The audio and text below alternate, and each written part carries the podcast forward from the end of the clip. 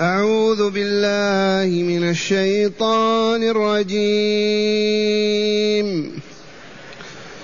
إنما السبيل على الذين يظلمون الناس ويبغون ويبغون في الأرض بغير الحق. أولئك لهم عذاب أليم. ولمن صبر وغفر إن ذلك لمن عزم الأمور. ومن يضلل الله فما له من ولي من بعده. وترى الظالمين لما رأوا العذاب يقولون يقولون هل إلى مرد من سبيل وتراهم يعرضون عليها خاشعين من الذل خاشعين من الذل ينظرون من طرف خفي وقال الذين آمنوا إن الخاسرين الذين خسروا أنفسهم إن الخاسرين الذين خسروا أنفسهم وأهليهم يوم القيامة ألا إن الظالمين في عذاب مقيم. وما كان لهم من أولياء ينصرونهم من دون الله. ومن يضلل الله فما له من سبيل. أحسنت. معاشر المستمعين والمستمعات من المؤمنين والمؤمنات. قول ربنا جل ذكره إنما السبيل على الذين يظلمون الناس ويبغون في الأرض بغير الحق. الطريق طريق الانتقام والقتل هي طريق الذين يظلمون الناس. في أعراضهم وأبدانهم وأموالهم ودينهم. هؤلاء سبيل الله مفتوحة إليهم ليقتلوا ويعذبوا. أما الذين لا يظلمون ولا يبغون فليس لنا من أن نؤذيهم بحال من الأحوال. لكن الذين نقاتلهم ونردهم إلى الصواب ونشدد عليهم الضغط حتى يتوبوا ويرجعوا الذين يخرجون عن طاعة الله ورسوله ويفسقون عن أمرهما فيعتدون على أعراض المسلمين وعلى أبدانهم وأموالهم فهؤلاء فتح الله الطريق لنا لنأخذهم. إنما السبيل سبيل القتل والتدمير للذين ظلموا يظلمون الناس ويبغون في الأرض بغير الحق. أولئك لهم عذاب أليم. موجع ألا وهو عذاب الآخرة وعذاب الدنيا أيضا. فعلى الحاكم المؤمن إذا وجد جماعة تظلم وتعتدي وتقتل أن ينتقم منها ويضربها. بهذه الآية الكريمة. إنما السبيل سبيل القتل والتعذيب على من على الذين يظلمون الناس ويبغون في الأرض بغير الحق. أولئك لهم عذاب أليم. فعلى الحاكم أن إذا ظهرت جماعة تضرب وتعتدي وتظلم وتقتل عليه أن يقاتلهم وأن ينتقم منهم بإذن الله لهذه الآية الكريمة. واسمع النص. إنما السبيل أي سبيل القتل والتعذيب لمن؟ للذين يظلمون الناس ويبغون في الأرض بغير الحق. أولئك لهم عذاب أليم. فيجوز قتلهم وقتالهم وعذابهم في الآخرة موجع ومؤلم. ثم قال تعالى وليس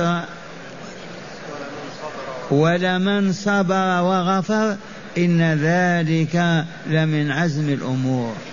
والذي يؤذيه مؤمن فاسق أو فاجر ويصبر فهذا من الأمور التي معزومة مطلوبة مرغب فيها. مؤمن ظلمك لجهله أو فسقه فصبرت وما انتقمت منه فهذا هذا الصبر ممدوح. صبره الله ذكره الله تعالى بقوله ولمن صبر وغفر إن ذلك من عزم الأمور. الأمور المرغب فيها المدعو إليها. إذا في فرق بين جماعة تقتل المسلمين أو تذبحهم وتدمرهم وبين شخص يعتدي على شخص. انتبهتم؟ فالجماعة التي تقاتل المسلمين وتبغي عليهم ظلما وعدوانا يقاتلون. أذن الله في قتالهم. السبيل إليهم. ومؤمن ظلم آخر لجهل أو فسقه لو يصبر ولا ينتقم لكان خيرا له. ولكن لو أخذ من حقه كما تقدم يجوز له ذلك. أخذ شاتك تأخذ شاته. أخذ إزارك تأخذ إزاره. ومع هذا لو صبرت لكان خيرا. معشر المستمعين والمستمعات هذا كتاب الله. اسمع الآية الكريمة. إنما السبيل على من؟ الموصي إلى القتل والتدمير على الذين يظلمون الناس ويبغون في الأرض بغير الحق. هؤلاء أذن الله لنا في قتالهم وتعذيبهم وتشريدهم لأنهم ظلموا بغوا واعتدوا. ثم قال تعالى ولهم عذاب أليم. زيادة على عذاب المؤمنين الذين قتلوهم وآذوهم. زيادة هناك عذاب أليم يوم القيامة. يبقى مؤمن آذى مؤمن. ما هي جماعة متلصصة مجرمة. مؤمن أذى مؤمن. سبه شتمه سلبه يعني من جيبه كذا. هنا له أن يأخذ بحقه ما في ذلك شك. وله أن يتنازل ويصبر ويفوض أمره إلى الله لقول الله تعالى ولمن صبر وغفر إن ذلك من عزم الأمور. الأمور التي يرغب الله تعالى فيها. أرجو أن يكون السامعون فهموا هذه القضية. أعيد القول فيها. اسمع الآية. إنما السبيل للقتل والتدمير على من؟ للذين يظلمون الناس ظلم يسلبون أموالهم يقتلون أطفالهم يذبحونهم يأكلون أموالهم. هؤلاء فتح الله الطريق لنا وقالوا اقتلوهم لا ترحموهم. يبقى مؤمن جاهل اعتدى على مؤمن للمؤمن أن يأخذ بحقه عند الحاكم أو بيده ولا حرج. ولكن لو صبر وغفر لكان خيرا له سامحناك وعفونا عنك لكان خيرا. هذا معنى قوله تعالى إنما السبيل على الذين يظلمون الناس ويبغون في الأرض بغير الحق. أولئك لهم عذاب أليم. هذا عذاب الآخرة والدنيا. ولمن صبر وغفر إن ذلك لمن عزم الأمور. اتضح لكم هذا الحكم الإلهي؟ ثم قال تعالى ومن ومن يضلل الله فما له منها فما له من ولي من بعده. ومن يضلل الله فما له من ولي من بعده. خبر هذا ولا يقول تعالى إذا أضللت عبدا من عبادي لن يهتدي ولن يجد من يهديه إذا أضل الله عبدا ما تكب ولا تحزن ما يقبل الهداية ولا يهتدي. وهذه عامة في كل زمان ومكان. فعلى الدعاة الهداة يدعون فإذا ما استجاب هذا الشخص لأن الله أضله ما يهتدي. ولن يقوى أحد على هدايته. ومن يضلل الله من عباده فما له من ولي من بعد الله يهديه أبدا. فما له من ولي بعد الله يهديه ومعنى هذا الهداية تطلب من الله. فيا عباد الله يا إماء الله أكثروا من طلب الهداية من الله. فمن هداه الله لن يضل ومن أضله الله لن يهتدي. من هم الذين يضلهم الله؟ الذين يتعمدون الفسق والفجور والظلم والشر ويتوغلون في الكبر والفساد هؤلاء ما يهتدون. فطرهم ما تقبل الهداية ما يرجعون. توغلوا في الشر والظلم والفساد. وأما من طلب الهداية والله لا يحرمه الله بل يهديه. على سبيل المثال شخص توغل في شرب الخمر قبل ما يتركها. لو شربها يوم يومين أسبوع عام كذا يستطيع أن يرجع. لكن إذا توغل سنين ليل نهار ما يرجع ما يهتدي. شخص توغل في الظلم والخبث والشر والفساد وطغى ما يقبل الهداية مهما بكيت أمامه ودعوته. وفي هذا تسلية للنبي صلى الله عليه وسلم وهو يواجه المشركين. وما يهتدون له. ومن يضلل الله فما له من ولي من بعد الله وترى الظالمين يوم القيامة أيها السامع والله وترى الظالمين لما رأوا العذاب عذاب جهنم يقولون هل إلى مرد من سبيل؟ هل من رجوع إلى الدنيا لنعبد الله ونطيعه ولا نكفر ولا نعصي ولا نفسق؟ هل, هل إلى مرد من سبيل؟ هكذا يصرخون ما إن يواجهون النار وهم يقادون إليها حتى يتمنون هذه الأمنية ولن تتحقق. هل إلى مرد إلى الدنيا؟ هل من طريق للعودة لنعبد الله ولا نعصيه ولا نخرج عن طاعته ونؤمن به؟ يستجاب لهم؟ لا والله. ما يريد وشيء آخر أخبر تعالى عنه. والله لو أحياهم وردهم لفسقوا. يقول ها كما أصابنا من قبل. أو ما فهمت هذه اللطيفة. لو فرضنا أن الله ردهم إلى الحياة الدنيا وطلب منهم هداية والله ما يهتدون لأنهم مصرون عليها. ثم يزدادون يقول ها يردنا مرة ثانية. لكن الله عز وجل خلق الحياتين الأولى والثانية. انتهت الأولى ما يكون يرد الناس إليها من جديد. وترى الظالمين من هم الظالمون؟ الفسق الفجر الخارجون عن طاعة الله ورسوله السفاكون للدماء المنتهكون للأعراض العابدون للشيطان المطيعون للأبالس من الجنس والجن. هؤلاء هم الظالمون الذين خرجوا عن طريق الهدى وسبيل الصلاح. إذا فهؤلاء يقول لما يشاهدون العذاب يقولون هل إلى مرد من سبيل يتمنون ولا يستجاب لهم ويلقوا بهم في جهنم. ثم قال تعالى عنهم أيضا وتراهم يا أيها السامع تراهم أي أصحاب النار الفسق الفجر الظلم يعرضون علي يعرضون عليها على النار. خاشعين من الذل منكسرين هابطين من الذل. ينظرون من طرف خفي ما يستطيع يفتح عينيه من شدة الخوف والكرب والهم ينظر فقط من طرف من عينيه ما يفتح عينيه ولا ينظر. والله لك ما تسمعون سوف تشاهدون. وترى الظالمين لما رأوا العذاب يقولون هل إلى مرد من سبيل؟ وتراهم يعرضون عليها خاشعين من الذل ينظرون من طرف خفي ما يتمكن ما يستطيع ينظر هكذا. فإذا كان في يد سيف يريد أن يضربك ما تقوى على أن تضع السيف تغمر عينيك. فكذلك هؤلاء.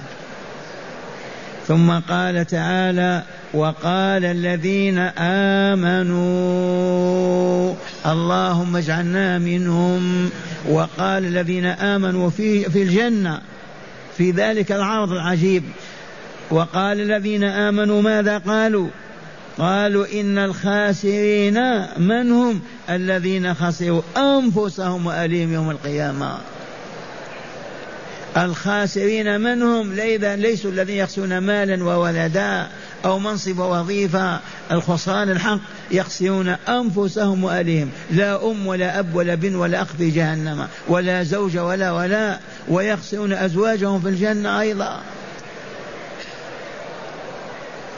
هكذا يعلنها المؤمنون في الجنة. وقال الذين آمنوا إن الخاسرين الذين خسروا أنفسهم وأهلهم يوم القيامة ألا إن الظالمين في عذاب مقيم. لا يزول ولا يتبدل ولا يتغير.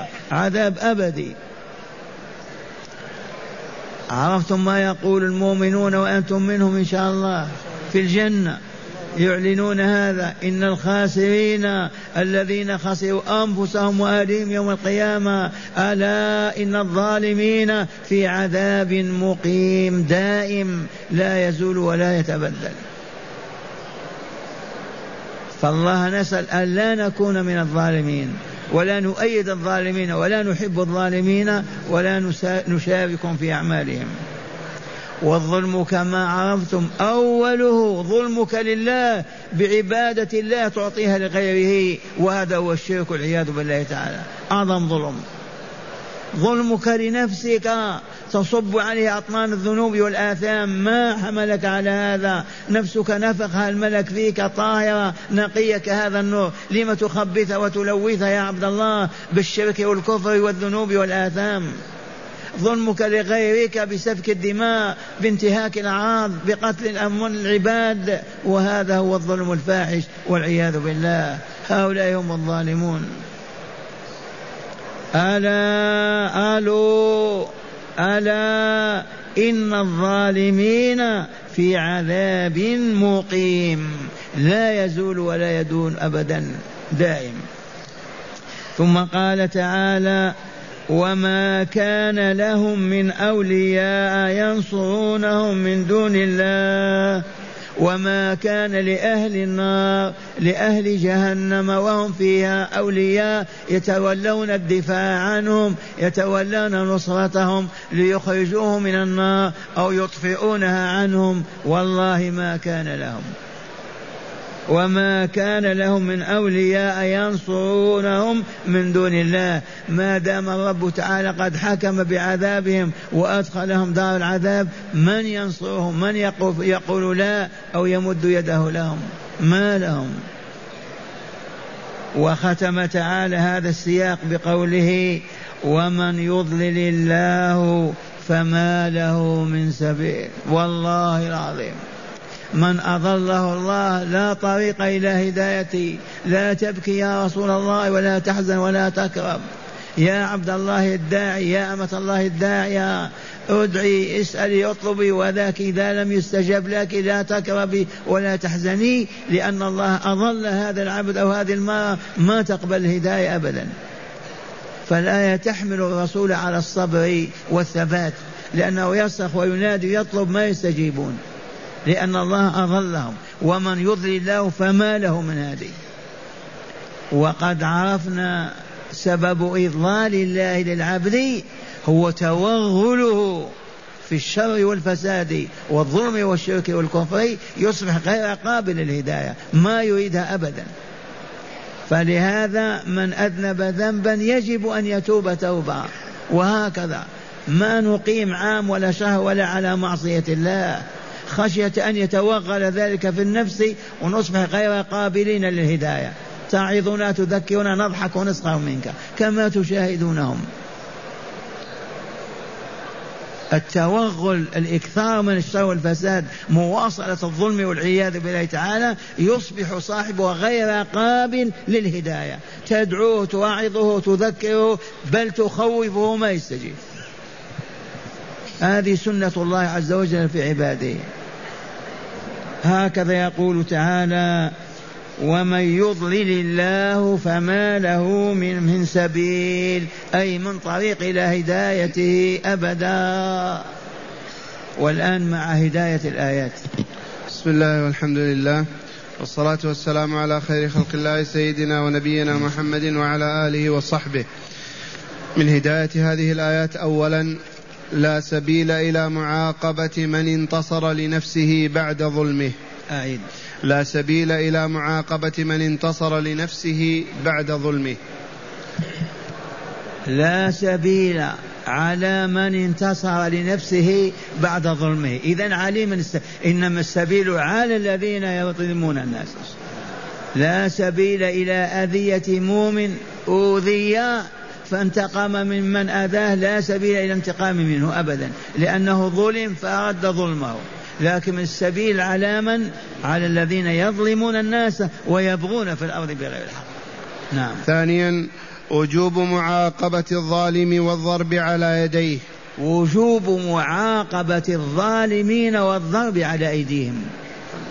يجب على المسؤولين على الحاكم على البيت على أهل الجماعة على أن يعاقبوا الذين يظلمون ويفسدون في الأرض ولا يسكتون عنهم. أعيدها. قال وجوب معاقبة الظالم والضرب على يديه. وجوب معاقبة الظالم والضرب على يديه حتى يتوب ويكف من أذى المؤمنين والمؤمنات. نعم. ثالثا فضيلة الصبر والتجاوز عن المسلم إذا أساء بقول أو عمل. فضيلة الصبر والتجاوز عن مؤمن أساء إليك وهو غير باغي ولا ظالم لكن لجهله كذا اعتدى عليك فصبرت وعفوت عنه فهذه حسنة عظيمة. ويرغب الله تعالى فيها المؤمنين. نعم. وأخيرا لا أعظم خسرانا ممن يخلد في النار ويحرم الجنة وما فيها من نعيم مقيم. أعيد. لا أعظم خسرانا ممن يخلد في النار ويحرم لا الجنة. أعظم خسرانا كذا. ما في خسران أعظم ممن يفقد الجنة ويستقر في النار أبدا. أي خسران أعظم من هذا؟ والله لا خسران. فالذين يدخلون جهنم ويعيشون فيها بلايين السنين هذا الخسران لا يعادل خسران أبدا. فلهذا يصبر المؤمن على الجوع على المرض على على على لأنها أيام فقط وينتقل الجنة دار السلام ليسعد فيها ويكمل. ما يحمله الفقر وإلى العجز وإلى كذا على الفسق والفجور فيخسر خسران أبديا. يصبر.